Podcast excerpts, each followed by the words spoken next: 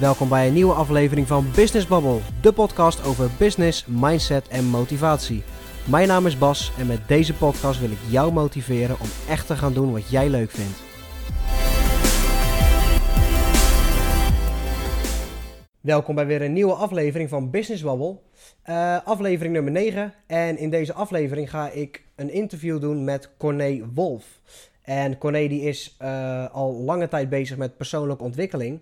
En die gaat ons vertellen hoe je je mindset kan uh, trainen en kan gaan veranderen. Hij heeft zelf heeft hij, uh, een half jaar geleden een ervaring gehad. Waardoor hij uh, toch wel even een, een reality check heeft gehad.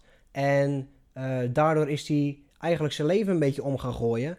En is hij zijn eigen echt gaan focussen op wat hij zelf wil. En wat hij eigenlijk met zijn leven wil gaan doen. En hoe hij zijn toekomst wil en kan gaan bepalen. Dus um, daar gaan we het in dit interview over hebben. Uh, ik hoop dat je het leuk vindt en laten we maar gelijk gaan beginnen. Ik zag op Instagram, ja, vooral ja. op Instagram eigenlijk, dat jij uh, heel, veel, uh, heel veel positiviteit deelt de laatste tijd. Heel veel quotes, heel veel dingen. En het leuke ervan vind ik, jij deelt heel veel gebaseerd op je eigen leven. Dus het zijn vaak ja. niet zijn natuurlijk ook wel quotes en van die dingen van joh, doe dit en dat en als je dit doet, voel je gebeten.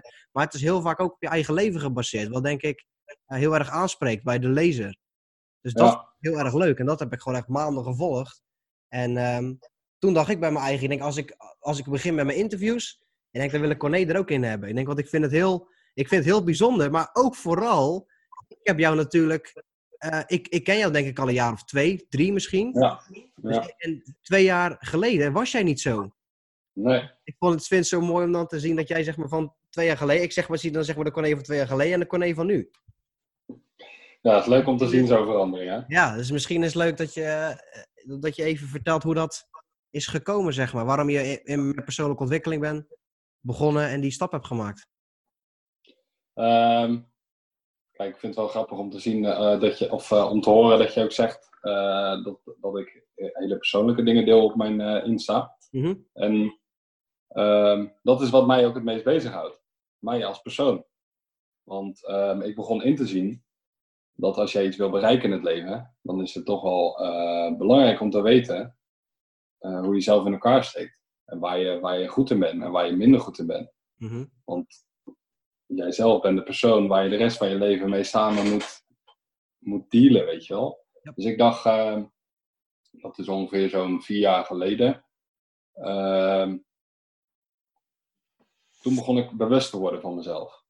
En dat is vrij laat, want ik ben nu 24 en toen was ik uh, 20 ongeveer. Mm Mhm. En toen begon, ik, toen begon ik me eens dingen af te vragen van, uh, van ja, wat, wat voor zin heeft het leven eigenlijk? Want ik was altijd christelijk opgevoed, weet je wel. Dus nou, daar was altijd uh, verteld wat uh, de zin van het leven was. Maar ja, denk je dat ik zin had om naar de kerk te gaan? Nee, niet echt. Nee. En uh, toen begon ik mezelf dus af te vragen van wie ben ik nou eigenlijk? En uh, hoe komt het dat ik geworden ben zoals ik nu ben? En is het leven wat ik nu heb wel het leven wat ik echt wil hebben, weet je wel? Mm -hmm. Dus toen, uh, ik zat toen de tijd ook in een relatie. En uh, op een gegeven moment, toen ik me die vragen begon af te vragen, toen werd het voor mij steeds duidelijker dat het leven wat ik tot nu toe had geleefd, dat ik daar niet bewust zelf voor had gekozen. Dus toen dacht ik, ik ga nu wel bewust kiezen wat ik wil. En dat was, als, dat was, dat was mijn allereerste stap die ik bewust nam. Um, wat eigenlijk het begin van de weg is naar, um, uh, geweest naar wie ik nu ben. En dat was de stap om mijn niveau 4 alsnog te gaan doen.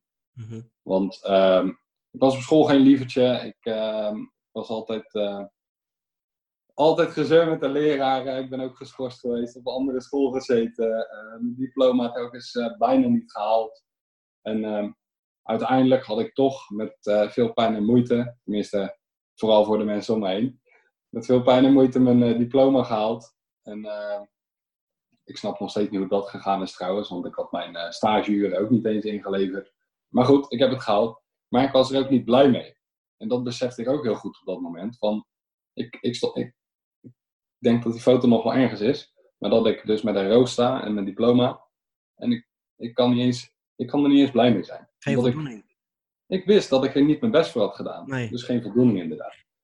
Dus, ehm, nou, ik wist wel van, ik ga sowieso nog een keer mijn niveau 4 halen. Want met niveau 3 diploma kan je in een tankstation werken. Sommige mensen vinden dat leuk, maar ik wil veel grotere dingen bereiken. En dan zag ik mensen om me heen die ehm, in een dikke BMW reden. En dan dacht ik, van, ja, dat wil ik ook, weet je wel. Dus ehm, ja, dan moest ik toch wel meer verdienen dan mijn tankstation. Dus ik denk, ehm mijn niveau 4, hoe ga ik dat doen? Maar op school werd geadviseerd van ja, je moet niet, eh, je moet niet eh, aan niveau 4 beginnen, want uh, dat ga je toch niet redden. Want kijk, kijk hoe je nu altijd met je hakken over de sloot hebt gedaan. En mijn ouders zeiden ook van nou, ga maar gewoon werken. En mijn schoonouders en mijn vriendin die zeiden ook van ga maar gewoon werken. Dus ik dacht ja, dat is misschien wel beter ook. Ga ik lekker wat geld verdienen. Dus ik had besloten om lekker te gaan werken. Dus ik had toen een jaar gewerkt. En ik had toen een, een, een baan die niet echt eh, paste bij de hoeveelheid verantwoordelijkheid die ik nam in het leven. Want ik was merchandiser en dan eh, moet je ja, een soort van vertegenwoordiger. En dan moet je je verantwoordelijkheid nemen. En ik deed dat op een eh, minimaal, minimaal level. Dus ook dat werk gaf mij geen voldoening.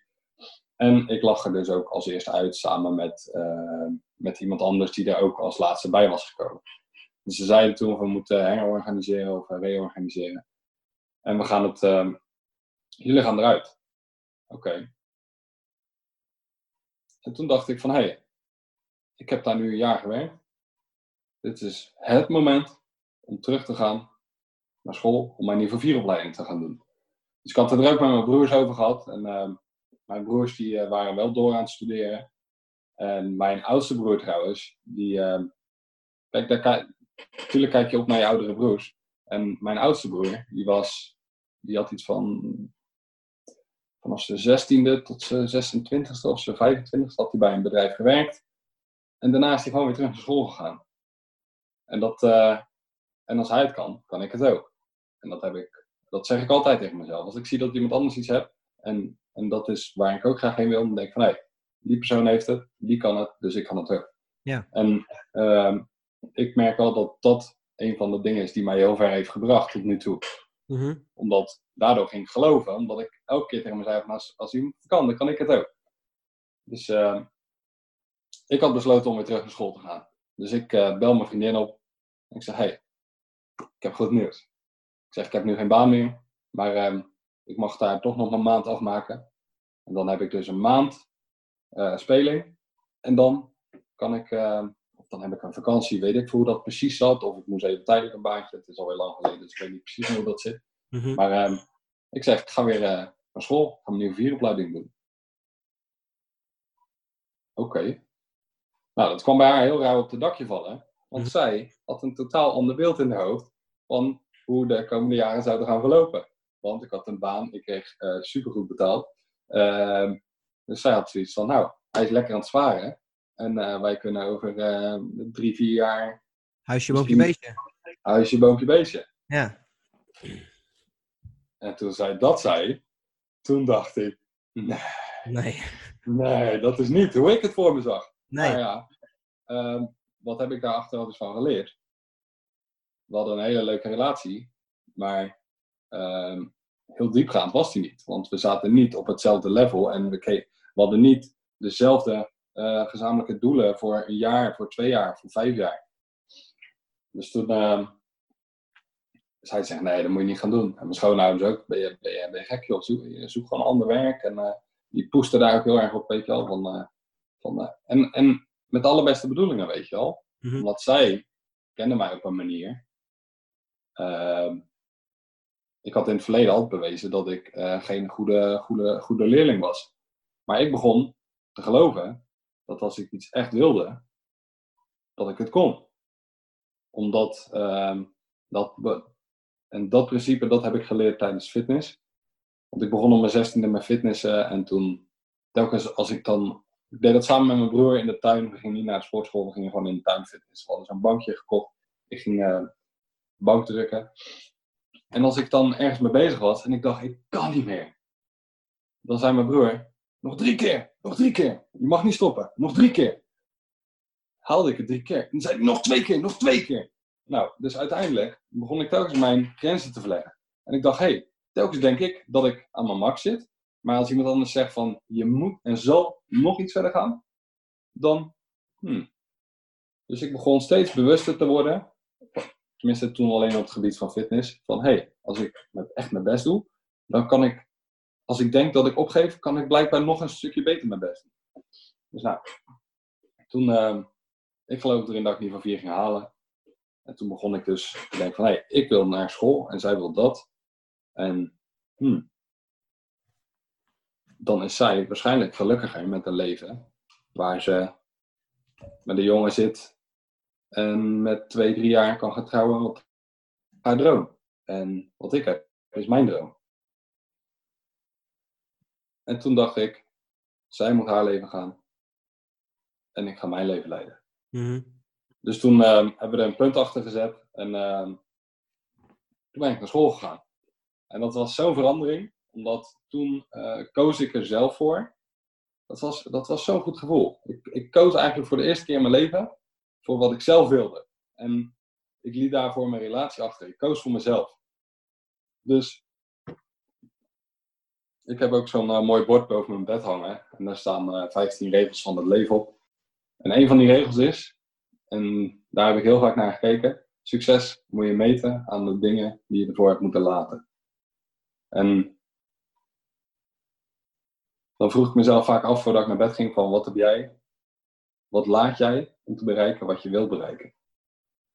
En ik wilde de beste versie van mezelf worden. En, en, als je dat doet, dan zul je dingen los moeten laten om betere dingen te kunnen vastpakken. Mm Dus um, ik begon mijn opleiding en uh, ik begon achter dingen te komen dat ik ineens wel gefocust aan mijn schoolwerk kon zitten. En dat ik ineens wel achter zijn negels kon halen. Echt een complete verandering, want normaal gesproken haalde ik altijd een 5,6. Zodat ik net altijd een voldoende had, weet je wel. Ja. Ja, en, uh, en nu, ook omdat iedereen had gezegd dat ik het niet zou halen, weet je wel. Mijn ouders waren ook sceptisch erover. En uh, ik ging dus bewijzen dat ik het kon. En daardoor haalde ik ineens achter negens. En toen uh, dacht ik na een half jaar van jongen, ik hoef geen achter negens te halen. Want mijn enige doel was mijn opleiding halen. Dus uh, een zesje is ook goed. Nou, toen ging ik zesjes halen.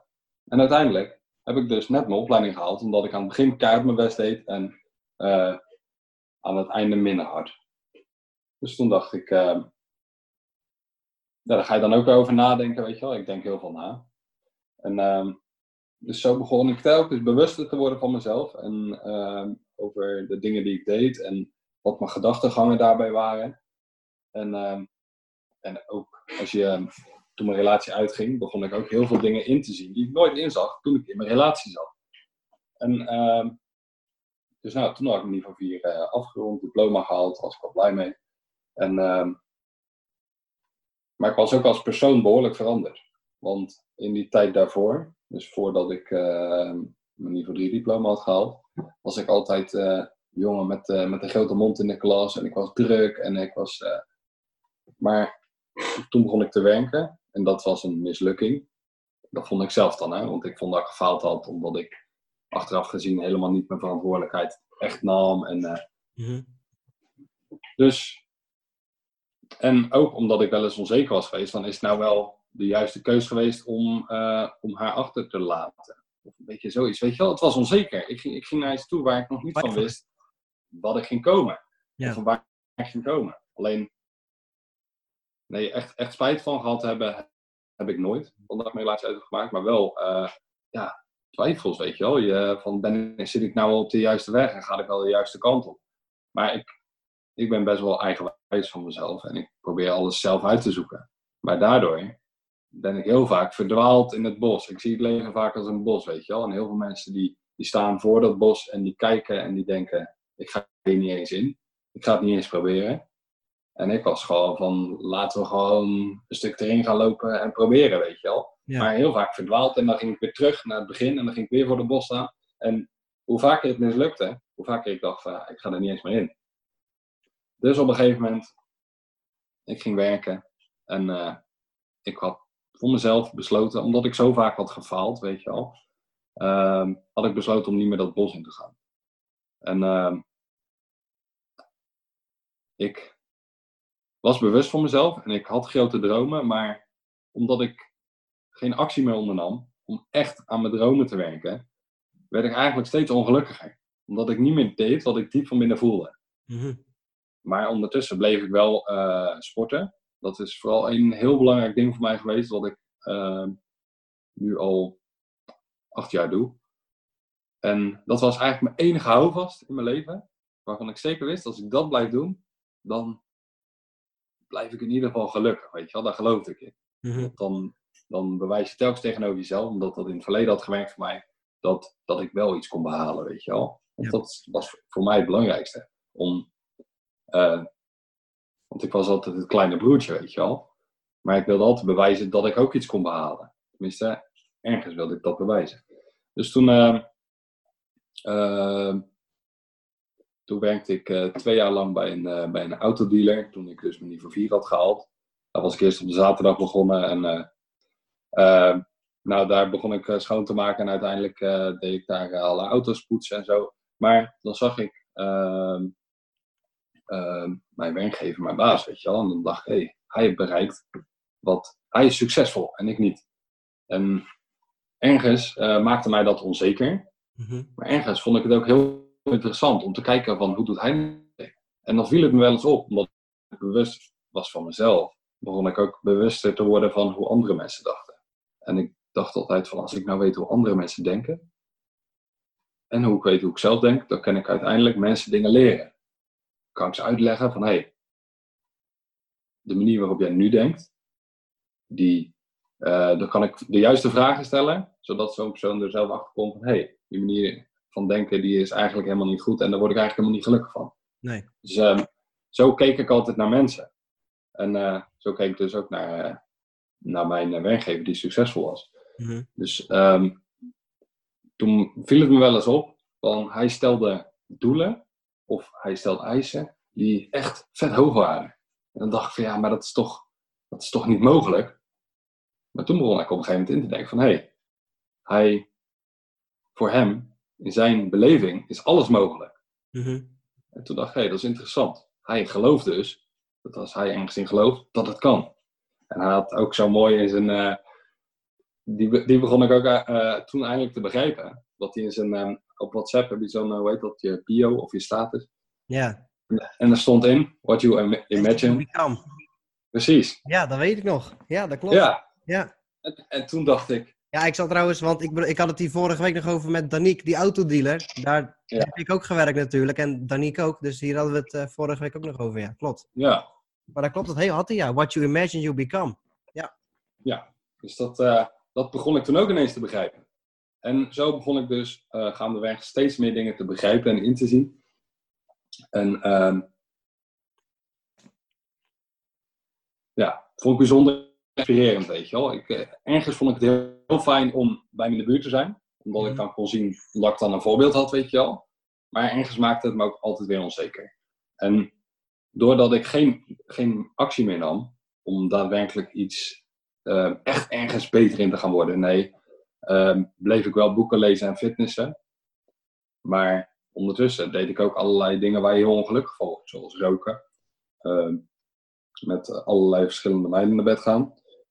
ehm, drugs gebruiken. en en dat, die, die dingen zorgden er weer voor dat ik eh, korte nachten had, weet je wel. eh, Ja. Ongezond eten. Ja. Allerlei Eigenlijk, Allerlei. eigenlijk, eigenlijk was je ergens gewoon... Je was niet tevreden over de resultaten die je behaalde. Dus ging je eigenlijk dit maar doen om jezelf toch goed te voelen. Ja, precies. Ja, die, ehm, ik, ik begon allerlei dingetjes te doen om mij toch maar een beetje gelukkig te voelen. En toch maar een beetje eh, waarde voor mezelf te creëren, weet je wel. Die telkens tijdelijk weer een goed, goed gevoel gaven. Mhm. En, ehm, maar telkens, want tijdens het fitness daar luisterde ik ehm, ook eh, speeches van ehm, eh, Arnold Schwarzenegger en zo. En dan hoorde ik die dingen af en toe ineens weer in me opkomen. Als ik dan bijvoorbeeld ehm, iets aan het doen was wat echt niet kon. En dit is een mooie, die, die komt nu in me op. Van eh, what you put in, ehm, Ik weet niet meer precies hoe die ging, maar wat je er nu instopt, komt er al vijf jaar uit. Dus die is echt zo vaak in me opgekomen. En toen dacht ik van ja, wat, wat heb ik er nou vandaag ingestopt? Wat heb ik er nou afgelopen week ingestopt? Wat er over vijf jaar uitgekomen. Toen dacht ik ja, maar ik heb toch, uh, ik heb toch uh, in mijn boek gelezen. En ik denk van ja, uiteindelijk ga ik er wel wat aan hebben. En inderdaad, ik heb er nu heel veel aan. Aan de dingen die ik toen de tijd altijd heb gelezen. Maar er gebeurde niet heel veel. Dus ik werd daar super ongelukkig van. En uh, tot ik op een avond stilgezet werd. Letterlijk stilgezet. Mijn leven stond op zijn kop.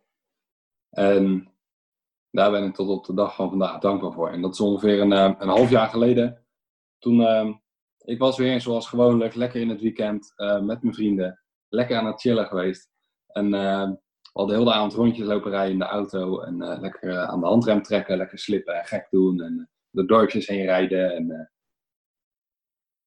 ik heb een hele hoop gekke dingen gedaan met die auto. Dus ik, nu ineens, ik zie het allemaal ineens weer voor me. Maar uh, uh, wij hadden, we hadden heel de avond rondjes gereden met wat vrienden dus. En die hadden we op een gegeven moment thuis gebracht. Ja, dat was nog wat. We waren naar de Mac geweest, helemaal einde van de avond. En ineens zegt een van die maatjes van mij, die zegt... Want we zijn christelijk, weet je wel. Dus uh, we altijd... Uh, ik was al wat ouder, zij waren iets jonger. Dus één moest voor de zondag thuis zijn. Hij zegt, jongens, het is tien voor twaalf. En we stonden bij de Mac in Alblasserdam. Het is tien voor twaalf. Ik moet echt twaalf uur thuis zijn, want anders heb ik echt een probleem. Dus ja, is goed joh, geen probleem. dus ik over de, over de fietspaden. En echt, uiteindelijk waren we iets, uh, van, de, van de in uh, Alblasserdam naar Nieuw-Lekland in acht minuutjes. Dus uiteindelijk in tien minuutjes echt naar zijn huis. Nou, en toen... Uh, ja, dat voelde goed, weet je wel. Leuk of lauw. Maar, uh, dus we hadden iedereen afgezet en uh, ik ging samen met, met mijn beste maat Stefan, ging nog een rondje rijden.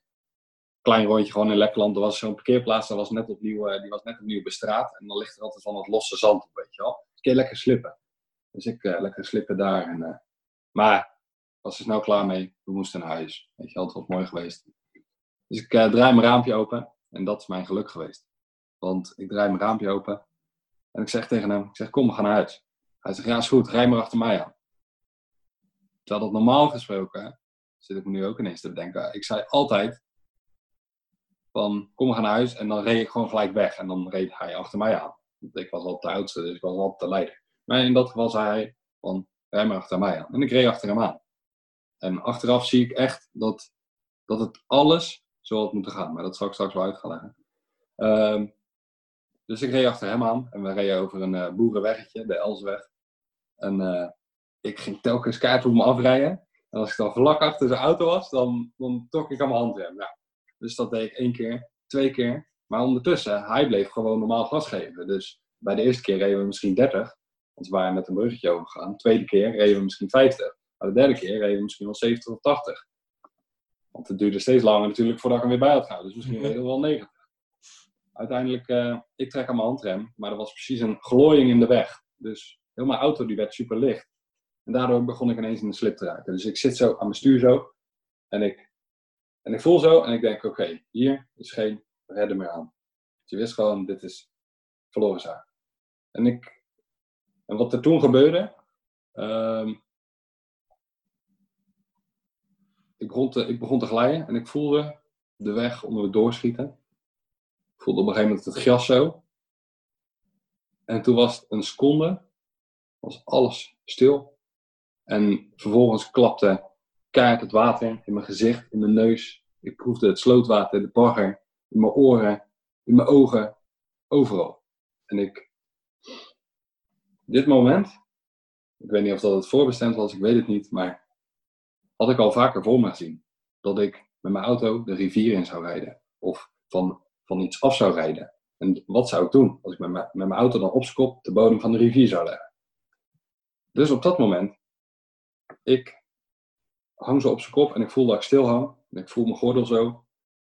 En ik denk, het eerste wat ik dacht, is, dit is niet de manier waarop ik doodga. Omdat al die tijd daarvoor was ik ervan overtuigd dat ik iets zou gaan bereiken in mijn leven. Mhm. En dat gevoel was zo sterk, omdat ik dat telkens bevestigd had door te blijven fitnessen en boeken te blijven lezen. Dus dat gevoel, dat geloof was zo sterk, dat ik op dat moment dacht van, dit is niet het moment waarop ik doodga. Want ik heb nog niet behaald wat ik moet behalen in het leven. En daardoor bleef ik eigenlijk ook echt super kalm. En toen dacht ik aan het vriendinnetje wat ik toen de tijd had. Ik denk, is misschien wat extra motivatie, weet je wel, om ook gewoon te denken van, hé, hey, ik ga die auto uitkomen. En ik zag dat zo voor me en ik dacht, ik ga uit deze auto komen. Dus ik begon te voelen waar mijn gordel zat. Doe mijn gordel los. Ik uh, zit, zo, zit zo te voelen. Ik voel dat mijn ruit iets meer dan de helft open staat. Ik denk, kan ik eruit? Ik denk, ja, ik kan eruit. Dus toen, ik ga zo naar het raam toe en toen ineens stond ik naast de auto. Er staat mijn maat naast me in de sloot. En ik zeg, holy shit. Hij zegt, kom eruit, kom eruit, kom eruit. Dus nou, ik op de slootkant en uh, ik, uh, ik knuffel hem, ik pak hem mee. Ik zeg, bro, ik ben zo blij dat jij hier bent. Want uh, misschien was ik anders, al was ik alleen geweest, of misschien wel in paniek geraakt of wat dan ook. Dus ik, ik, ik zit zo naar mijn auto te kijken, die lag sissend in de sloot. En ik denk, wauw. En toen ineens begon ik overal rillingen te krijgen en ik begon helemaal, oh, helemaal, en ik voel het gewoon nu, als ik het vertel, voel ik gewoon heel die rilling in mijn nek. Zo overal kreeg ik kippenvel, zelfs op mijn hoofd kreeg ik kippenvel. Hij zegt, kom, kom de auto in. Niet met je natte kleren. Doe je kleren uit, kom in mijn auto. Dus ik zat in mijn boxer, zat ik in zijn auto, kacheltje vol aan. Ik zo, wow, wow, wow, wow, dit is bizar. En uh, hij zo, uh, hij was ook helemaal stil van. Hij was ook helemaal in, in shock, weet je Je weet niet wat er, je, wist, ja, je beseft gewoon niet wat er gebeurd is. Dus uh, ik zeg, oké, oké, oké. Ik zeg, mijn auto leggen in de sloot. Ik zeg, we moeten iets gaan verzinnen, zodat er geen politie komt. Want daar heb ik geen zin in. Want ik had begin van de avond had ik twee drankjes op en misschien zat er nog wat in. En ik had die avond gebloot. Dus ja, uh, ik had geen zin in politie. Dus ik zeg, uh, we gaan naar die boerderij toe. Daar is een boerderij. En dan gaan we iets regelen, een trekker regelen, dat die onze auto eruit gaat. Middernacht, weet je al. Tegen één uur. Dus nou, bij de heen. Sta ik daar in mijn boxer voor die deur. Dus uh, die man doet open. En toen ik voor die deur stond, toen besefte ik ook van, hé, hey, deze man ken ik. Dus uh, die komt bij mij uit de, uit de kerk. En uh, hij doet de deur open. Is hem aan het kijken. Hij zegt, uh, goedenavond. Ik zeg, hé, hey, uh, mijn, ik heb net een ongeluk gehad. Mijn auto ligt in de sloot. En zou je alsjeblieft willen helpen om eruit te halen? Zit hij me nog een keer aan het kijken. Hij zegt, ja, dat dacht ik al. Ik hoorde al iets. Hij was helemaal rustig, alsof hij gebloot had. Hij was... Nou, en, uh, dus ik... Uh, toen kwam zijn zoon die kwam al aangelopen en die zegt... Uh, en die kende ik ook van vroeger. Dat is vroeger een, een vriendje van mij geweest. En hij, hij zit me zo aan het kijken. Hij zegt, moet je kleren? Ik zeg, ja, beter wel. Dus toen kreeg ik lekker warme trui en een warme, warme trainingsbroek. En wij gingen naar de auto toe. Nou, van de tractor, auto eruit getrokken. Na veel pijn en moeite, want ik moest gewoon weer de sloot in, weet je wel. En uh, nou, uiteindelijk die auto eruit getrokken, op het weiland gezet van die, uh, van die boer. Zodat hij ook niet op de openbare weg staat, weet je wel. Want anders krijg je alsnog gezeur. En toen de volgende dag ging ik terug naar die, naar die plek om, om te kijken wat, of er nog dingen lagen voor mij. Want ik was één ding, ik had zo'n schoudertasje om en daar zat ook mijn werkbussleutel in. En die was toen ik uit het raam ging, is die waarschijnlijk uit mijn tasje gevallen. Of toen ik op zijn kop ging. Of... Mm -hmm. Ik heb overal gezocht in mijn auto, overal gevoeld. En nou, die sleutel nergens meer. En, uh... het was echt een, uh, echt, een, echt een ravage op die plek, weet je wel. Heel die, heel die berm die was kapot. En uh, ik zag heel het slipspoor. En ik had nog opgemeten hoe lang het slipspoor was. Het was iets van 65 meter of 75 zelfs. Het is echt een eind gegleden. Mm -hmm. En toen, na die nacht, ben ik echt twee dagen zo puur mezelf geweest en zo, zo, zo erg in het moment gezeten, zonder enige gedachten van ik moet dit of ik moet dat.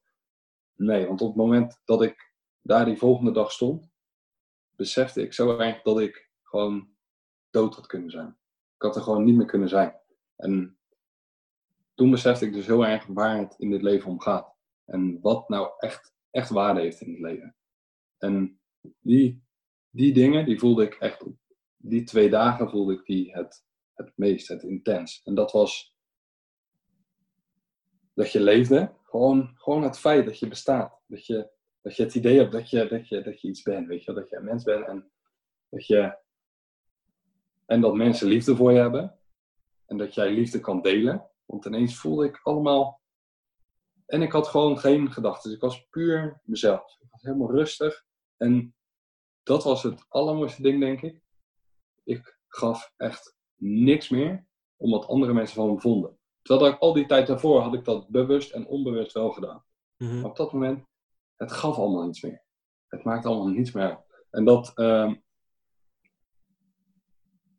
toen begon ik ook na te denken van, dit is een waarschuwing geweest.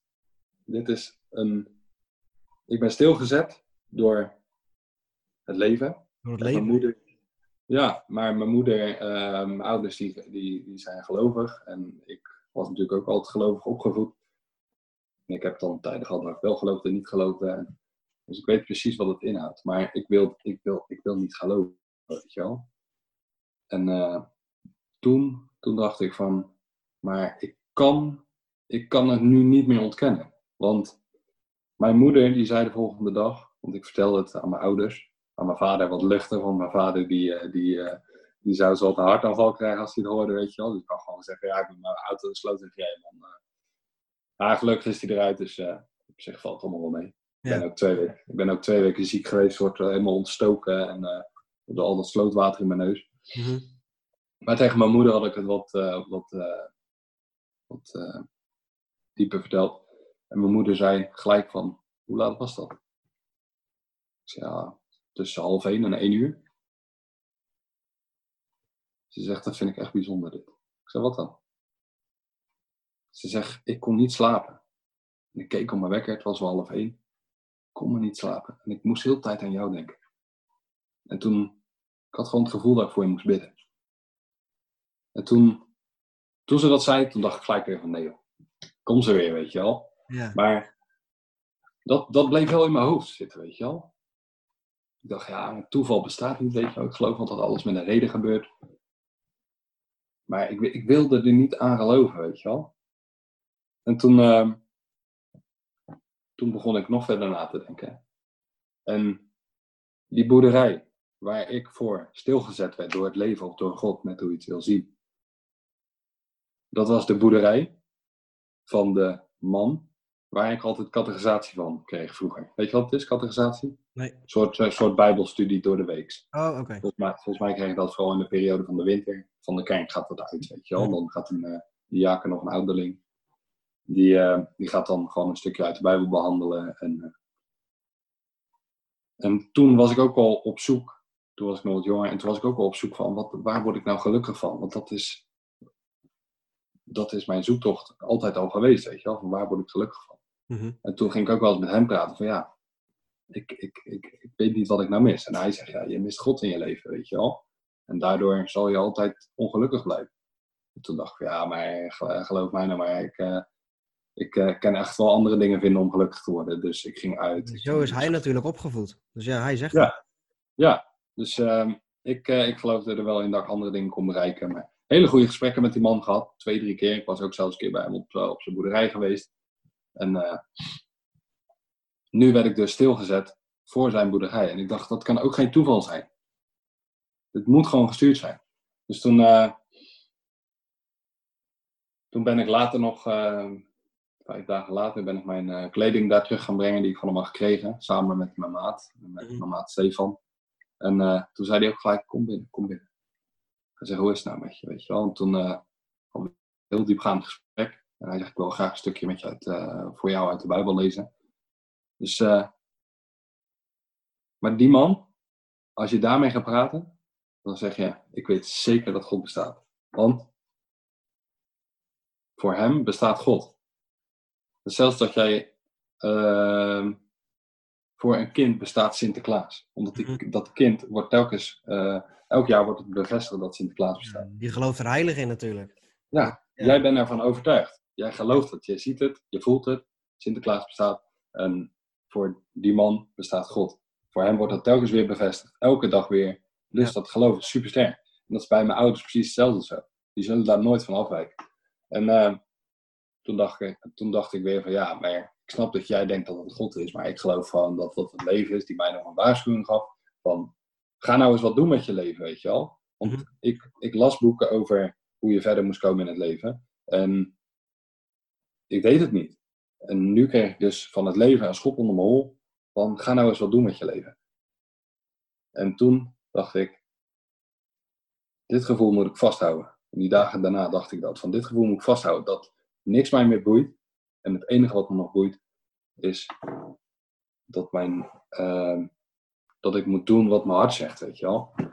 En toen, ehm, toen werkte ik als eh, stratenmaker. En ik dacht, ik ga nu iets doen met mijn talenten. En waar ben ik goed in? Ik ben goed in eh, met mensen praten. Dat vind ik leuk, of daar word ik gelukkig van. Ik, ik hou van goede gesprekken voeren, diepgaande gesprekken. Over dingen nadenken en over filosofische dingen praten. En eh, dat vind ik allemaal interessant. Dus, eh, maar, maar, maar wat, eh, wat moet ik dan gaan doen? Moet ik dan eh, coach worden? Want ja, ik vind het wel mooi om eh, mensen te helpen. En, eh, en daar gesprekken mee te voeren. Of moet ik dan eh, moet ik misschien een fitnesscoach worden? Ik wist het allemaal niet. Maar ik dacht, ik moet iets gaan doen. En vroeger, toen ik nog eh, in die relatie zat, die ik helemaal aan het begin van het verhaal had uitgemaakt, ehm, was daar een neef van mijn vriendin en die was vertegenwoordiger. En dat was een praatjesmaker. En ik dacht, ik wil ook zo zijn. Weet je wel, dat je lekker vlot kan praten, lekker, eh, en lekker eh, met mensen kan ouwehoeren en ondertussen nog wat verkopen ook. Weet je wel. Ja. En ehm, ik zag dat wel een beetje als een voorbeeld en als inspiratie voor mij. Dus ehm, dat was, toen stond het besluit voor mij vast, of in ieder geval ergens in mijn hoofd zei ik van ja, ik wil graag vertegenwoordiger worden. Maar uiteindelijk bewees ik telkens aan mezelf dat ik niet echt wat zou gaan bereiken. Dus dat idee had ik ook al lang uit mijn hoofd gezet. Dus toen zat ik telkens, ehm, tijdens- in mijn tijd van eh, stratenmaker, zat ik telkens in mijn pauze zat ik, eh, boeken te lezen. Eén boek wat ik, eh, wat me, eh, dat zie ik hier liggen. The Obstacle is the Way.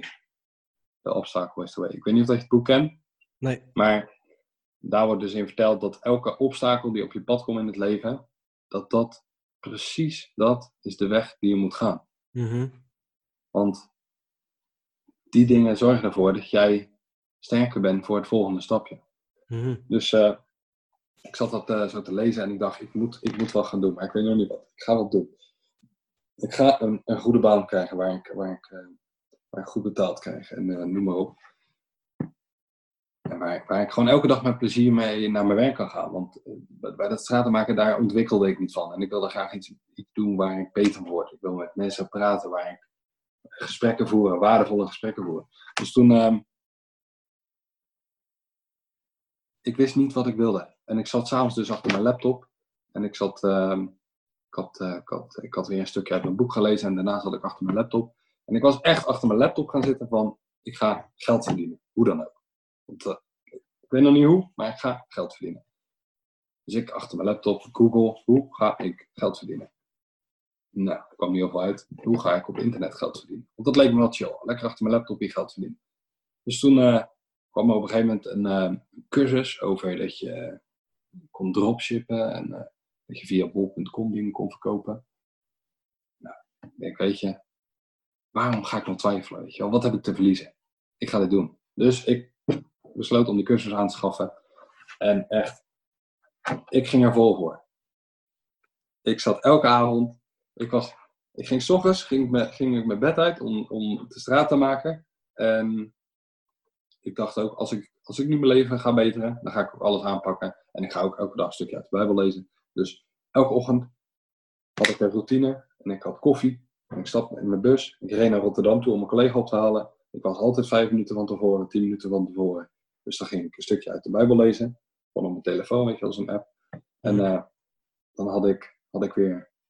Sommige mensen mediteren voor me. En ik dacht, ik, dit was mijn stukje meditatie, weet je wel. Ja, precies. Een stukje lezen. Ik heel de dag werken en ik begon hard te werken. Harder dan ooit. Echt, ik heb... Dat ik echt mensen zag kijken van, wow, die gozer die, die, die is echt niet normaal hard bezig, weet je. Altijd, ik ging altijd rennen en, ehm, en altijd zo hard mogelijk die stenen gooien. En ik had zo'n enorme drijf om op alle vlakken beter te worden. En echt, ik vroeg me dan, ehm, als ik, ik probeerde mezelf telkens af te vragen van, kan het beter dan dit? En zo begon ik dus steeds harder te werken. En, ehm, want ik wilde ook graag een eh, sportief lichaam hebben, want ik sport graag, weet je wel. En ik wilde echt, echt helemaal super fit worden. Dus ik begon, ik ging niet meer roken. Ik stopte met roken. En elke keer als ik zin kreeg om te roken, ging ik twintig keer opdrukken. Als ik midden in de stad aan het werken, weet je wel, gewoon hup, steentjes gooien, kwam de gedachte van roken in me op. Dacht nee joh, ik ga niet roken. En dan op een gegeven moment werd dat zo, zo dan werd dat moeilijk, weet je wel. Dan, dan, ik weet niet of dat je, je hebt gerookt toch, of niet? Ja. ja. Dus je weet, je, je rookt nu niet meer volgens mij, hè? Nee, nee maar ik heb er wel moeite mee. Als ik, uh, als ik bijvoorbeeld, um, um, bijvoorbeeld drie biertjes op heb of zo, en er begint iemand in mijn omgeving te roken, dan heb ik daar wel moeite mee. En waarom? Ik krijg, die, uh, ik, ik, krijg dan ik, trek erin. Trek in die sigaret je... krijg ik dan. Terwijl is, is... Als, ik niet, als, ik, als ik geen biertjes op heb, dan heb ik dat niet. Dus hoe komt het nou als je bier op hebt dat je meer sneller geneigd bent in de sigaret? Ja, dat is een goede vraag. Door de alcohol, denk ik. Ja. En, en wanneer drink je bier? Wanneer drink ik bier? Um, S'avonds? Ja. ja. In het weekend? Ja, dat sowieso. Ja. Wanneer? Ik, je ken ook vast wel mensen uit je omgeving die, uh, die gestopt zijn met roken en misschien weer begonnen zijn of die het moeilijk hadden. Mm -hmm. welke, welke momenten van de week zijn het moeilijkst? Eind van de week. Het weekend. Je hebt heel de week heb jij uh, keuzes moeten maken. Mm -hmm. Je bent aan het eind van de week ben je moeier. Mm-hmm. Dus je, emotie, je emotielevel is wel hoger. Dan ga je bier drinken, worden je emoties nog meer versterkt. En dan ga je roken. Tenminste, dan ruik je rook. En zie je dan nog maar sterk houden. Nee, want je bent super, super zwak op zo'n moment. Tenminste, als het nog niet helemaal uit je, uit je leven is. Mm-hmm. Dus dan, dan ga je heel snel voor gaas. En ik ging altijd in het weekend voor gaas. Was ik uh, de hele tijd gestopt met blowen, dan ineens in het weekend ging ik weer blowen. Ja. Als ik de hele tijd stop met roken, ging ik weer roken. Dus altijd in het weekend gingen bij mij de dingen fout. En dat, dat is gewoon een combinatie van factoren. En als je dat in gaat zien, dan zeg je tegen jezelf misschien van misschien moet ik een tijdje geen bier gaan drinken. En misschien moet ik wat beter gaan slapen, zodat ik in het weekend ook minder moe ben. Zodat ik elke dag super sterk ben om de juiste keuze te maken. Maar goed, waar was ik gebleven met mijn verhaal? Uh, ja, dat je, dat je, zeg maar, je, je had het er zeg maar over dat iedere keer als jij aan het werk was en je had die jas gestopt met roken, je had die drang om te roken, dat je dan zei, zei tegen jezelf, ik doe het niet of je drukt even twintig keer op. Ja, precies. Daar, we kwamen daar dus op. En dat opdrukken, dat was ook uh, iets wat, waar, uh, ik zei altijd tegen mezelf dat het me niks boeide wat anderen van bedachten. Maar ondertussen boeide het me heel veel. Maar Mhm. doordat ik op ging drukken terwijl dat ik midden in de stad aan het werk was. De eerste paar keer dat ik het deed, dacht ik, wat moeten mensen dan niet van me denken, weet je al? Dat ik Ja. loop uit te sloven. Of dat ik, eh, dat ik stoer wil zijn. En toen dacht ik, als ik nou elke keer, als ik wil stoppen met, eh, met roken, of als ik niet wil ro- roken, en dan ga ik opdrukken. Maar ook gelijk met de gedachte van, ik moet leren om scheid te hebben aan wat andere mensen denken. Ja. Dus dan, op een gegeven moment lukte dat, weet je wel. Ik kon overal opdrukken. En ik begon dat in meerdere dingen te doen. En zo is, ben ik een enorm stijgende lijn gaan zien van eh, dingen die ik doe, waar ik in eerste instantie denk van, ja, moet ik dat nou wel doen, weet je wel. Maar ik wil het, dus waarom zou ik het niet doen? En als ik daar gelukkig van word, moet ik dat doen. Af- afgelopen weekend nog. Ik liep op het strand met mijn vriendin, zaten daar wat mensen. En eh, ineens dacht ik, ik heb zin om op te drukken. En waarom? Ik vind het gewoon lekker om op te drukken. Het liefst doe ik het elke dag eh, een paar honderd keer, weet je wel. Vind, ik- vind ik lekker. En ook omdat ik constant in mijn hoofd heb dat ik een fitboy wil zijn. ehm, komt dat helemaal op. Dus ik lekker in het zonnetje en in plaats van, uh, van een hele hoop bier drinken, ga ik dan liever water drinken en lekker opdrukken. Dus, maar dan denk ik gelijk ja, maar er zitten allemaal mensen te kijken die denken dan gelijk dat ik uitloop zo voor mijn vriendin. Of, toen dacht ik van, maar waarom?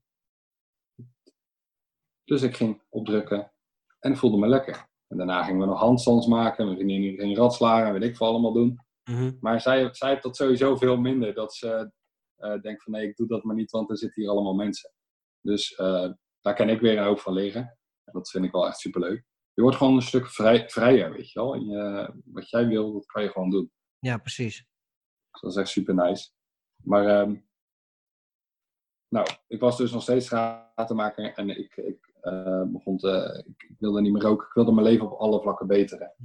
En, Toen was je bezig met die, met die dropship cursus? Ja, die had ik dus aangeschaft. En uh, nou, ik zat elke avond hele, hele lijsten te schrijven en dingen uit te zoeken. En ik was helemaal gedreven, weet je wel. Want ik dacht, ik moet en zal succesvol worden. Dus uh, uiteindelijk kwam de eerste grote tegenslag. En dat was uh, dat ik via, ik kon niet meer via bob.com mijn uh, producten uh, versturen. Dus ik moest mijn producten via thuis versturen. Maar ik begon gelijk te denken, zoals ik heel erg gewend ben om te denken, vanuit het verleden en wat nu steeds minder wordt. Ik begon gelijk naar alle obstakels te kijken. En ik dacht, nee, dat uh, ga ik niet doen, weet je wel. Ik, uh, ik ben de dag aan het werken en dan heb ik geen zin om, uh, om als ik dan, want dan ga ik uit mijn werk, ga ik sporten. En dan moet ik ook nog eens een keer al die pakketjes gaan doen. En nee, nee, dat is niet handig, weet je wel. Dus dat ga ik niet doen. Maar ik had me wel ingeschreven bij de Kamer van Koophandel. En doordat ik me had ingeschreven bij de Kamer van Koophandel, werd ik na een paar weken ineens gebeld. En uh, ik kreeg dus iemand aan de lijn van een um, um, beveiligingsbedrijf. En ik zei, nou, ik weet niet hoe je aan mijn nummer komt. Wel toevallig, weet je wel. Want ik heb uh, een tijd geleden wel gesolliciteerd op zo'n bedrijf als jullie. Maar ik ben uh, verder, verder zou ik niet weten wat... Oh, heb je bij ons gesolliciteerd? Nou, ik weet niet of ik bij jullie heb gesolliciteerd. Maar ik heb gesolliciteerd. Dus ik weet niet meer of dat nou, dat is niet bij jullie volgens mij. Zeg maar, zijn er vacatures vrij dan? Hij zei, ja, wij hebben, wel, uh, wij hebben nog wel wat mensen nodig. Ik zei, nou, dat is mooi. Dus uh, toen ben ik, uh, toen is het balletje eigenlijk gaan rollen. Tenminste, dat is al gaan rollen vanaf het moment dat ik, dat is al heel lang aan het rollen geweest, maar vanaf het moment dat ik de sloot in reed, is er echt wat gaan gebeuren. Omdat ik toen weer opnieuw het bos in ging, weet je al. Mm -hmm. En dingen ging uitzoeken. En gewoon ging proberen. En dan kom je ergens.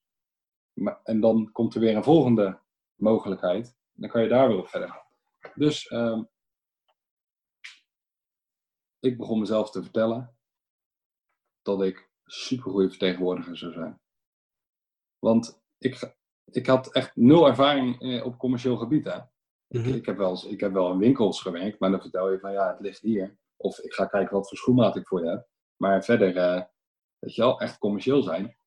Dus, uh, maar ik wist wel dat ik goed, goed kon lullen met mensen en lekker vriendjes worden.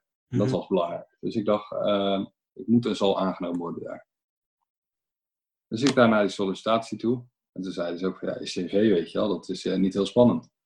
Hij zegt maar, ik vind, toen zeiden ze van, ik vind het veel belangrijker wat je bedrijf is. En dat, uh, daar kijken wij veel liever naar.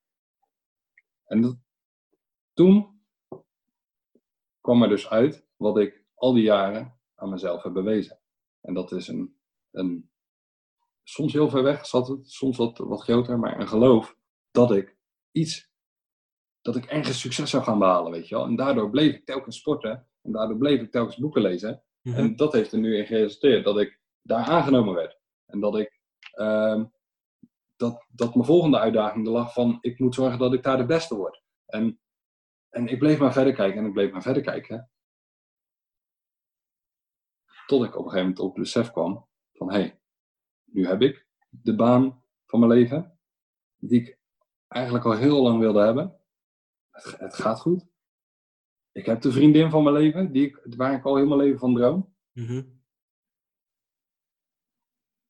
En ik voel me eigenlijk nog niet gelukkig.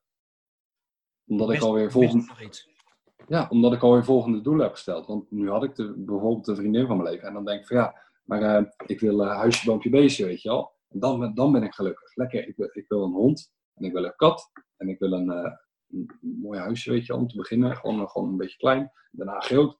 En, eh, niet eens genieten van wat je hebt, weet je wel. En toen ik dat begon, weer begon in te zien, weer een nieuw inzicht, begon ik steeds meer te kijken naar wat heb ik nou echt. En sinds ik dat doe, ehm, voel ik me elke dag weer een stukje gelukkiger. Maar ik, ik, ik stelde voor mezelf uh, regels dat ik per se dingen moest behalen. En dat ik, dat ik per se gelukkig moest zijn.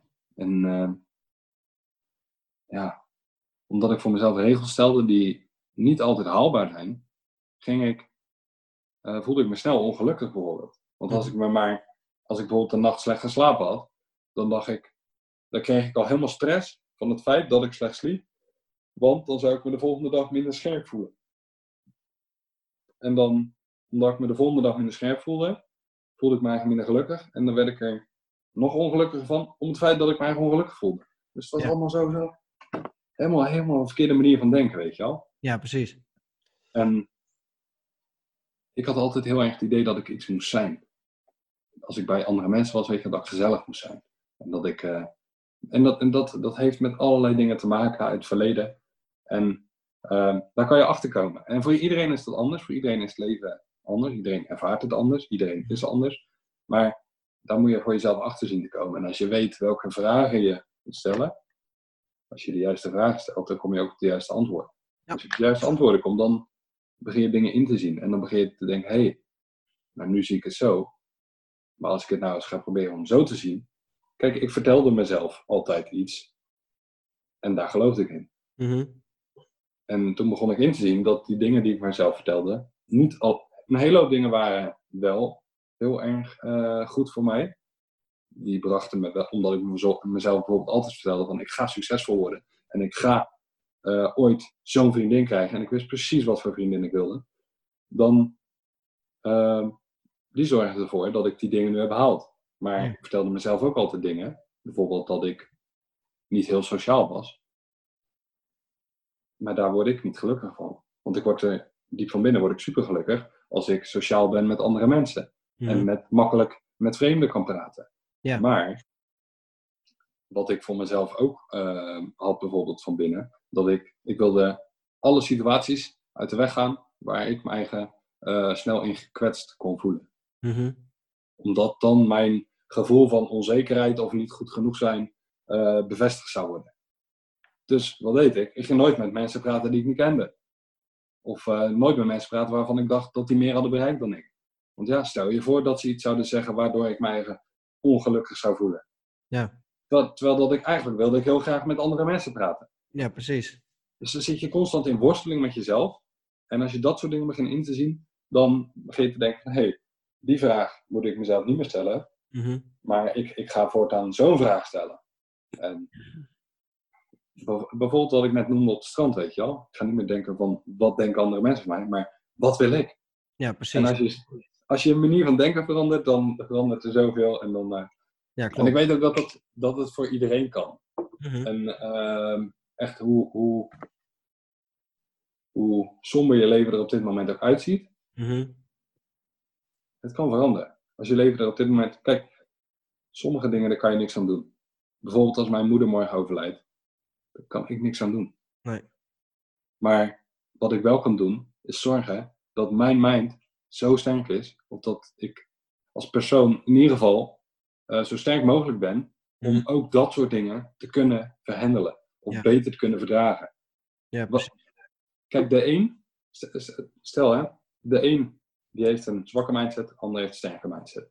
Dus de een waarvan de moeder overlijdt met een zwakke mindset, die belandt in de goot aan de drugs en de alcohol, mhm. omdat, omdat hem dat overkomt.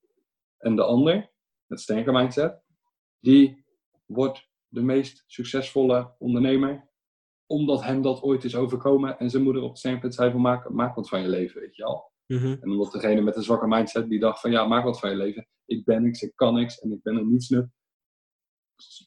Dus ik stel mijn moeder elke dag teleur. Zie je nou wel? Een helemaal, helemaal andere manier van denken. Ja, precies. Ja, dat is wel, dat, dat is wel, dat is inderdaad wel belangrijk. Ja, dat je daar inderdaad die, die, die mindset, die manier van denken, daarop aanpast. Ja. Denk ik wel dat je gewoon ervoor zorgt dat je, als je er op een andere manier naar kijkt, en ik heb het zelf ook ervaren, als je gewoon op een andere manier denkt, op een andere manier je, eh, je dag start, zeg maar. Dat je dan, ik heb dat ook gehad, wat, wat jij net noemde, dat had ik ook. Altijd als ik slecht geslapen had, ik was zeg maar, op, als ik zeg maar niet kon slapen en je ligt wakker tot een uur of drie, toen ging ik me dan eigenlijk al heel erg vervelend voelen, omdat ik wist, oh, als ik over vijf of zes uur, als ik over vijf of zes uur mijn wekker ga, dan weet ik gewoon dat ik mij gerot voel. Omdat ik te weinig geslapen heb. Dus, doe, dus dan ging je, ga je maar met zo'n gevoel ga je slapen. Dan word je mee wakker. En dat bepaalt op een gegeven moment heel je dag. Terwijl nu, als ik nu bijvoorbeeld uh, kort geslapen heb of zo, of uh, ik heb slecht geslapen, dan denk je, oké, het is gebeurd, maakt niet uit. En het is toch dus dat ik gelijk op een hele andere manier ga denken. Ik ga denken aan de dingen uh, die, die, die ik vandaag ga doen. Ik ga denken waar ik dankbaar voor ben, weet je wel, dat soort dingen. Ja. ja. Dat, dat, voor mij werkt het heel erg. Ik ben zoveel positiever. Ja. Oh, dat doe ik. Oké, maar... Um... hey, maar is het nou ook... Want dat vraag ik mij eigenlijk af, hè. Jij bent christelijk uh, opgevoed. Dus, je hebt, uh, dus de, die, die religie die zit bij jou in het, uh, in, in, het gezin, zeg maar, in de familie. Alleen jij zelf geloof, gelooft niet in de religie, maar jij gelooft wel. Jij gelooft in jezelf, jij gelooft in bepaalde dingen. Ja. Dus ik vraag me eigenlijk nou af, heeft, zou dat verband hebben? Zou nou de manier van dat je ouders hebben gezegd, joh, je moet altijd geloven in deze religie. Dat jij zegt, dat doe ik niet, maar ik zet dat juist om in het geloven naar andere dingen. Dat je wel hebt leren geloven, alleen niet in God, maar juist in andere dingen. Ja, mooie vraag. Diezelfde, diezelfde methode hebt toegepast voor wat je nu doet in je leven. Ja, ik vind het echt een mooie vraag. Want precies wat je nu zegt, dat is. Uh, zo zie, dit is echt een bewijs van dat je je eigen leven kan creëren. Omdat mijn ouders, die zeiden altijd, op deze manier, uh, dit is hoe het is. En ik ging bewijzen dat het voor mezelf, dat ik ook gelukkig kon worden, maar dan op een andere manier. Hmm. En ik merk dat dat ook lukt. Alleen, uh, kijk over of God nou wel of niet bestaat. En uh, ja, ik geloof dat God bestaat. En de ene noemt het uh, de wet van aantrekkingskracht, de ander noemt het de, een hogere macht. Maar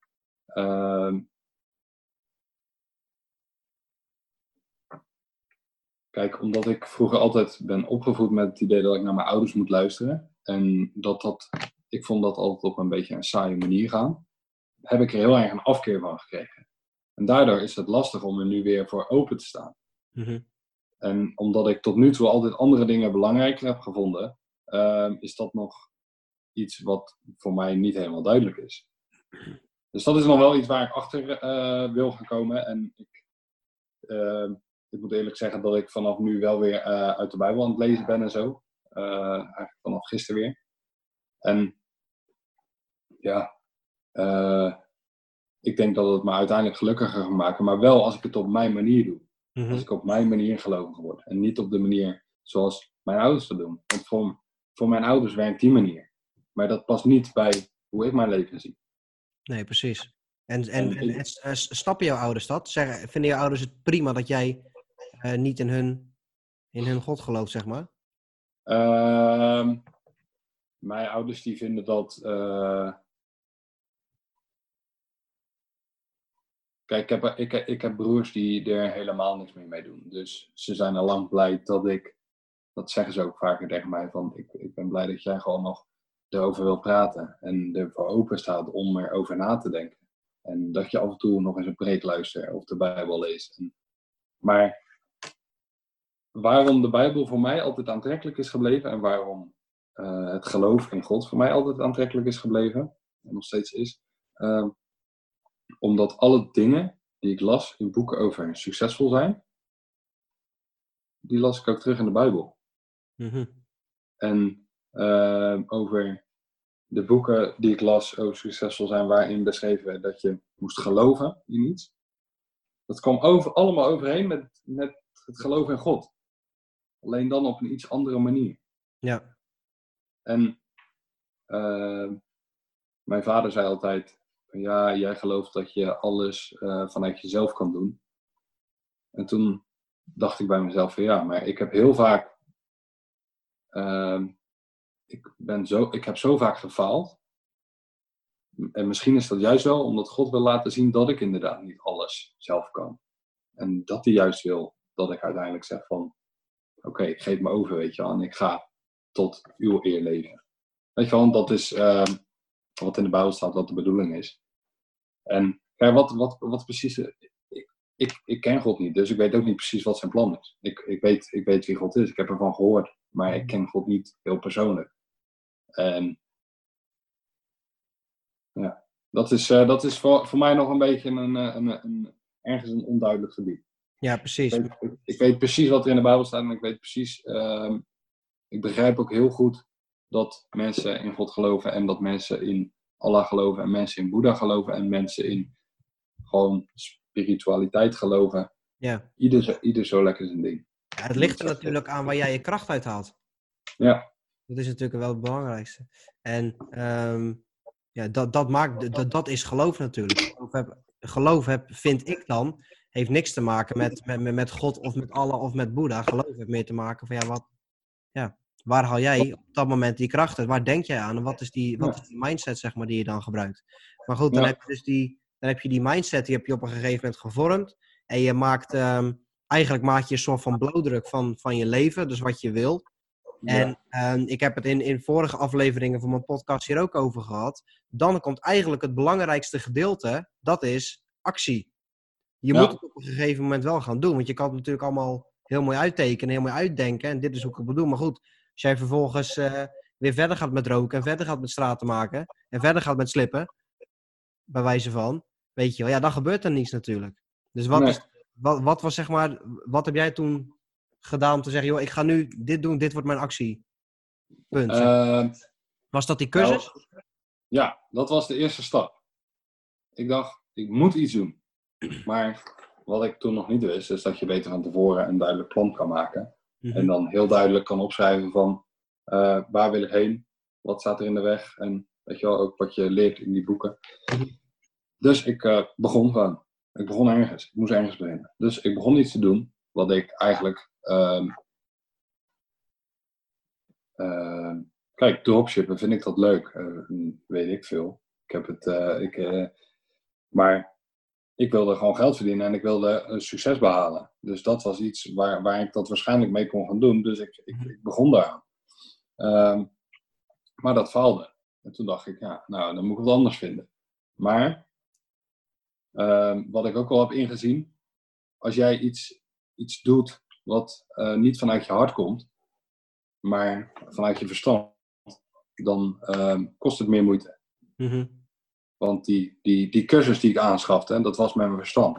Van, ik wist mijn verstand van, ik moet gewoon iets doen. Omdat anders weet ik zeker dat ik over een paar weken gewoon weer ga blowen. En, dus ik moet iets doen. Dus toen ben ik daar begonnen. En um, daardoor, daar, bij die cursus zat ook een stuk mindset. En doordat ik die mindset uh, weer kreeg, begon ik weer nieuwe boeken te bestellen. En begon ik weer te lezen. En begon dat vuurtje in mij begon weer helemaal op te, op te laaien. En ja. ik, ik begon na te denken van, wat, wat, wil, wat wil ik nou eigenlijk? Wat wil ik nou eigenlijk?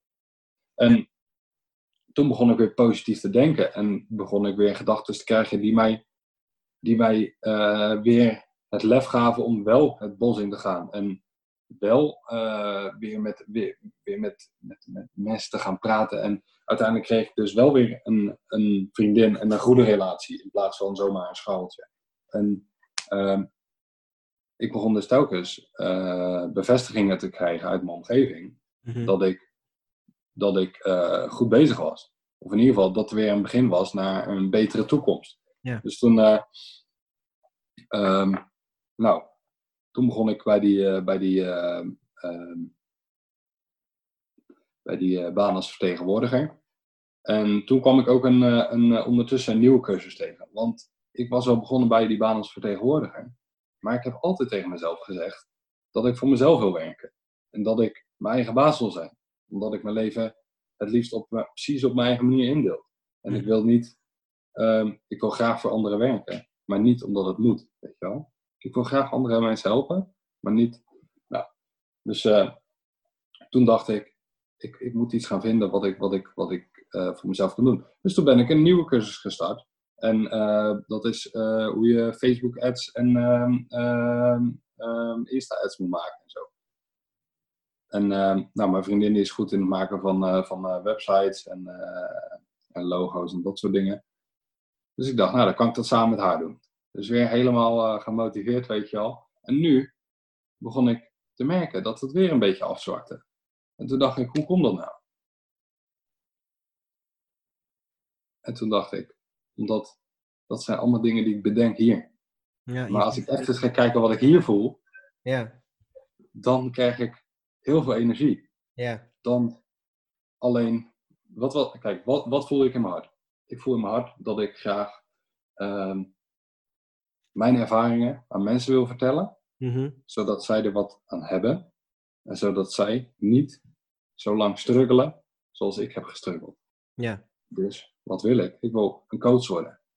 mhm, Op, op de gebieden waar ik goed in ben. Waar ben ik goed in? Ik ben eh, goed op het gebied van eh, van fitness en goed op het gebied van ehm, gelukkig voelen. Of in ieder geval alle dingen doen. En vooral, dus alle dingen doen waar je gelukkig van wordt. En vooral de dingen niet doen waar je niet gelukkig van wordt. Ik Nee, dat. Nee. En alleen zelf vond ik dat ik nooit goed genoeg was om eh, een ander bijvoorbeeld dat te gaan leren, weet je wel. Mhm, Omdat, eh, omdat ik altijd zag dat er mensen beter waren dan ik.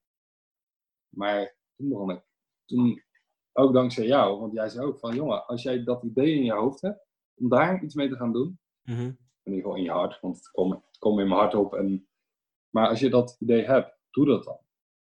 En ehm, ik merk, als ik daarmee bezig ben, dat ik veel meer energie krijg. En ehm, elke, echt, elke keer komen er gedachten in me op en- ideeën in me op. En ik bruis. Het komt het komt vanuit niets. mhm. Terwijl dat voor al die andere dingen moest ik moeite doen om te bedenken van hoe en wat. Maar dit gaat allemaal soort van vanzelf. Ja, klopt. En dat is ook de missie van deze podcast eigenlijk. Dat is, dat is eh, maak van je passie je beroep. Ga doen wat je leuk vindt. Want als jij, van je, als jij, als jij iets hebt wat je superleuk vindt om te doen... en je maakt daar je werk van... eigenlijk werk je dan geen dag meer in je leven. Zo zeggen we dat eigenlijk al. Ja, je nou, eh, en ja, ik, ik, ik, vind, ik vind dat ik mezelf daar een levend voorbeeld van mag noemen. Want ik heb het zelf gedaan. Ik had een, ik, had een hartstikke mooie baan, vast contract, vijf dagen in de week. Eh, mooi Ja. bedrijf, leuke collega's, allemaal goed. Alleen ik miste ook wat. Ik wilde ook voor mezelf werken. En ehm, ja, dat heb ik ook gedaan. Ik doe nu iedere dag, ja, ik vind het maken van websites en online marketing, ja, dat vind ik super leuk om te doen. Dat vind Ja. ik echt leuk om te doen. Dus ja, en dat mag, dat mag ik nu iedere dag voor eh, voor mijn klanten doen. Ik help ze iedere dag met hun marketing, met hun website. ja, Dat geeft, wat jij, jij hebt het net over die, die, die vlam van binnen die dan weer begint te branden. Dan voel je weer die passie. Dus als je ja, de dag mag gaan doen wat je leuk vindt. En ehm, wat jij zegt van ja, eh, ik wil graag coach worden. Maar ja, ben ik wel degene die dan mensen moet gaan vertellen van hoe en wat. Maar door middel van ehm, bijvoorbeeld zo'n podcast als ik. Of waar, waar jij het de vorige keer over had. Misschien starten van een vlog bijvoorbeeld. Waar je gewoon dingen deelt. Dan hoef je niet gelijk eh, eh, op LinkedIn te zetten dat je levenscoach bent of zo. Weet je wel. Maar start bijvoorbeeld gewoon met een vlog waar je gewoon dingetjes in vertelt. En dan als, Ja. als mensen daar natuurlijk een bepaald soort waarde uithalen. Ja, dan heb je toch denk ik al je, je, je, je doel behaald. Weet je wel. Als er maar, Ja. Ik heb altijd zoiets van als ik maar één iemand kan inspireren om te zeggen. Joh, Bas, wat jij zegt, dat, ja, dat, dat, dat, ja, dat vind ik eigenlijk wel goed. En weet je wat, ik ga het gewoon doen. Dan heb ik eigenlijk mijn doel al een beetje behaald. Ja. Weet je wel? Want dan heb je al iemand geïnspireerd. Want dat is dan op dat moment wat je, ja, waar je voor gaat. ja. Ik hoorde het pas ook zo mooi iemand zeggen, die, eh, dat is ook een coach. En die zei, eigenlijk helpen wij mensen eh, om geen spijt te krijgen uiteindelijk. Mhm. En dat is, dat is waar, waar ik voor mezelf altijd bang voor ben geweest. Van, ehm, ik wil niet, als ik op mijn sterfbed beland, dat ik denk, Had ik maar. had ik het maar anders gedaan. Ja. Ik hoorde ook een keer een interview op de radio en daar zei ook iemand van ehm, dat er een verpleegster is en die had daar een, ehm, een, eh, een film van gemaakt of weet ik veel wat. Of een, eh, maar die zei ook dat de meeste mensen die op hun sterfbed liggen, die zeggen van had ik mijn leven maar geleefd zoals ik dat wilde. Mhm. En daarom ehm, is het zo belangrijk dat je erachter gaat komen door de juiste vraag te stellen van wat wil ik nou eigenlijk? Mhm. En maak dan een plan voor jezelf van wat moet ik doen om dat te bereiken. Ja. En voor mij was dat eerst een bepaalde persoon worden. Mhm. Want ik kan niet iemand anders vertellen hoe die het moet doen als ik het zelf nog niet heb gedaan. Nee. Nee, Dus, ehm wat wil je zeggen? ik zeg, nee, precies. Dat, dat is inderdaad ook zo. En dat is denk Ja. ik, dat is natuurlijk ook gewoon de reden dat jij op een gegeven moment dacht, ik ga, eh, ik ga cursussen volgen, want ik wil succes. Hm. Maar wat is nou, wat, want ik bedoel, succes, dat is natuurlijk een relatief begrip. Voor iedereen is dat anders. Eh, Ja. Voor jou kan inderdaad succes zijn, ik wil allemaal mensen helpen. Maar voor mij kan succes zijn eh, het- de 10 miljoen euro bijvoorbeeld. Dus Ja. wat is in jouw ogen, wat is, wat is succes? Dat je zegt, jij zegt, ik wil succes. Wat, wat, wat, wat versta jij daaronder? Tevredenheid. En tevredenheid met de doelen die je gesteld hebt. Dus, en, en die je behaald hebt, bedoel ik. Mhm, Dus ik heb succes als ik een doel stel en, en daaraan voldoe. Of als ik een bepaalde manier van leven heb. Kijk, voor de ene is het inderdaad eh 10 miljoen euro. Voor mij is het als ik gelukkig ben met de persoon die ik ben. Dat is het allerbelangrijkste voor mij altijd geweest. Dan ben ik succesvol. En natuurlijk heb ik dan een doel dat ik ehm, voor het einde van het jaar zoveel euro verdiend moet hebben. En natuurlijk heb ik een doel dat ik ehm, een, eh, in drie maanden een sixpack wilde hebben. Kijk net in de spiegel, is gelukt. Weet je mhm, wel? En dat komt gewoon. ehm, dat, dat is wat mij gelukkig maakt. Omdat ik elke dag ehm, bezig ben met een bepaalde manier van leven. Waar ik gelukkig kan zijn met mezelf.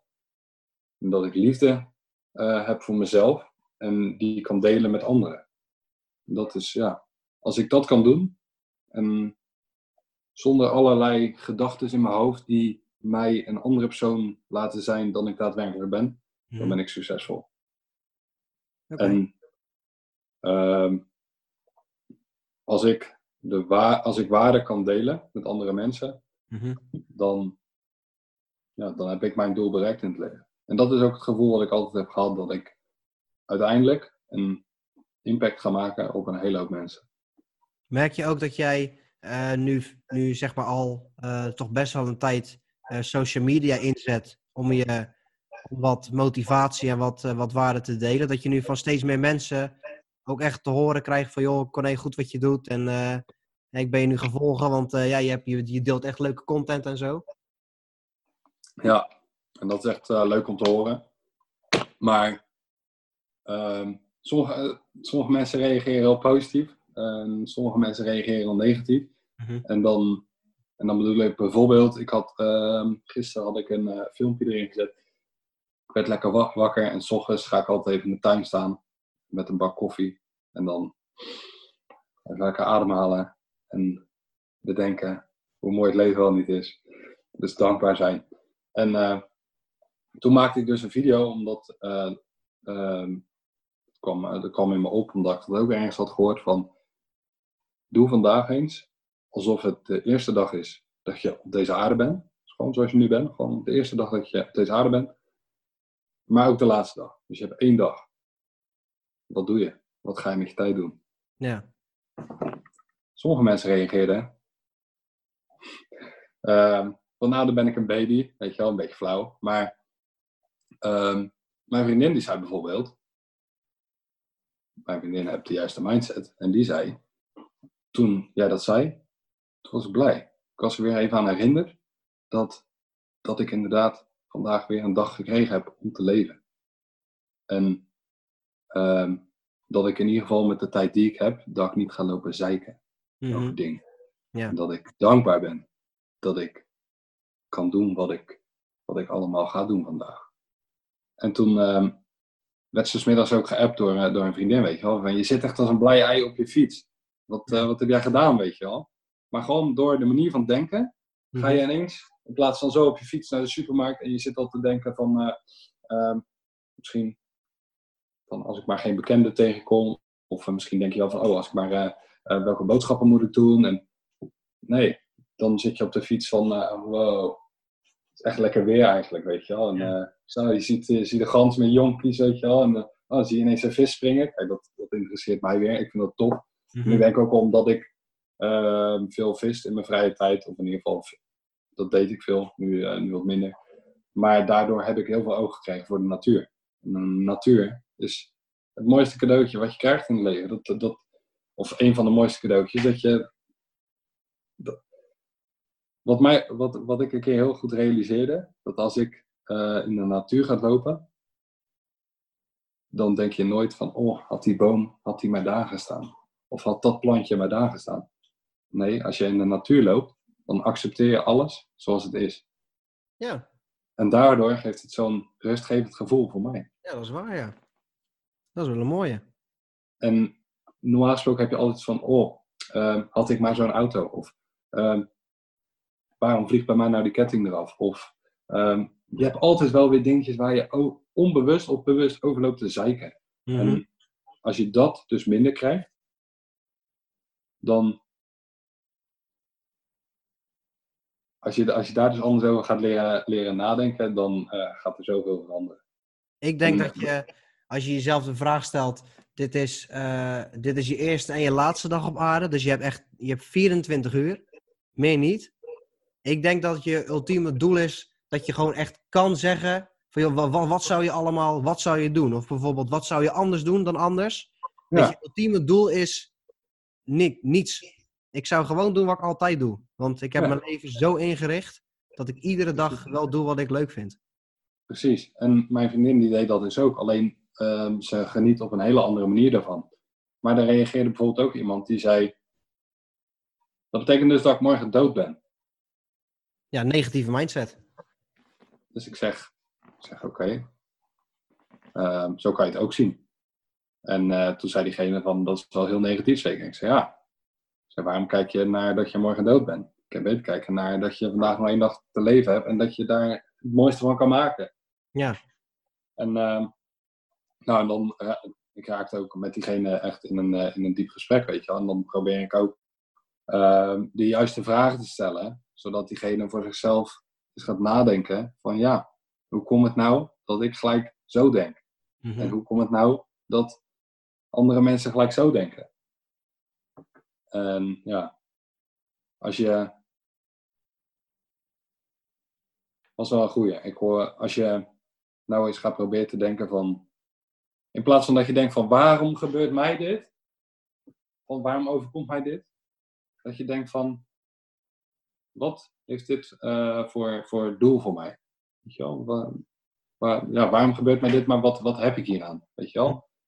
Dat je, dat je meer zo gaat denken. Dan ga je op een gegeven moment inzien dat ik die sloot inreed om uiteindelijk een cursus te gaan starten. Om, om- ik had hem schop, schop onder mijn oren gekregen. Mhm. En daar, door die cursus schreef ik me in bij KVK. Doordat ik me inschreef bij KVK, werd ik gebeld door een bedrijf. En doordat ik heel erg in mijn hoofd had dat ik een andere baan wilde en dat ik elke kans moest pakken, zei ik, is er nog een factuur vrij? En doordat ik toen heel erg erin geloofde dat ik, dus ik maakte mezelf, ik vertelde mezelf dat ik de allerbeste eh, vertegenwoordiger zou gaan worden daar, ehm, werd ik aangenomen.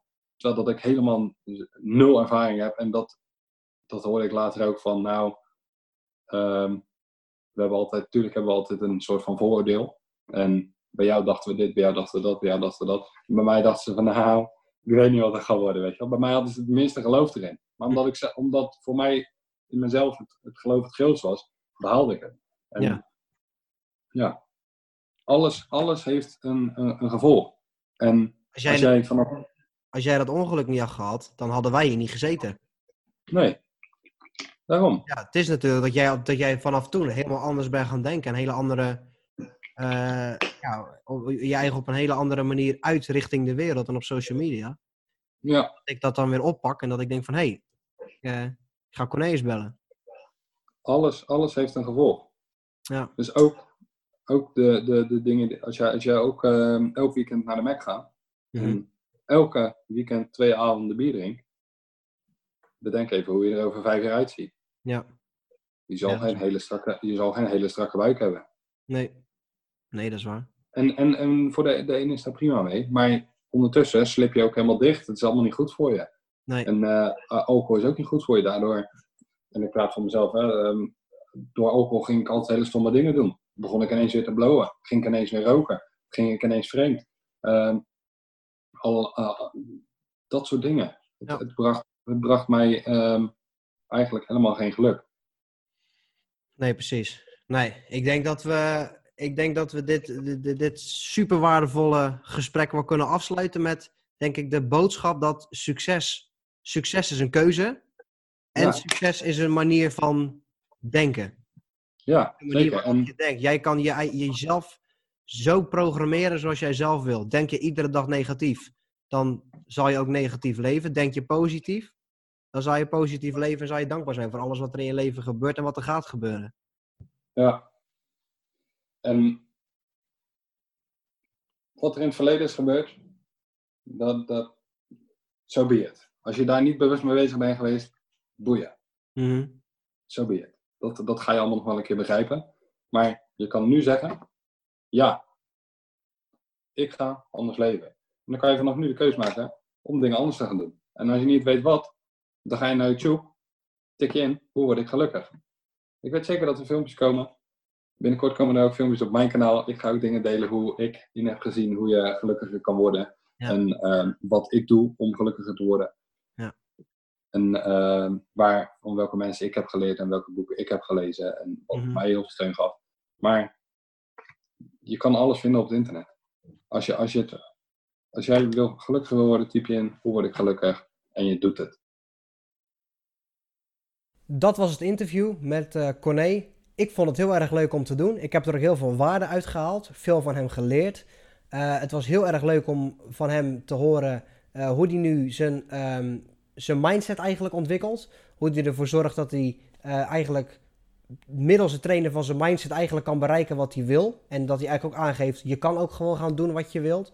En dat hij op die manier eigenlijk zijn succes aan het behalen is. Dat vond ik super leuk. En uh, ja, wat ik zeg, ik heb daar veel van geleerd en ik hoop jullie ook natuurlijk. Wat heel leuk is, uh, Corné die gaat binnenkort uh, gaat die vlogs online zetten, waarin hij eigenlijk uh, jou meeneemt in zijn, in zijn leven en waarin hij vertelt wat hij iedere dag of iedere week allemaal leert. Wat zeg maar goede dingen voor onszelf zijn om, om eens over na te denken en hoe je zelf je, um, ja, je mindset kan trainen. Dus ja, ik kijk er heel erg naar uit als zijn vlogs online komen, ik, uh, ik zal ze met jullie delen.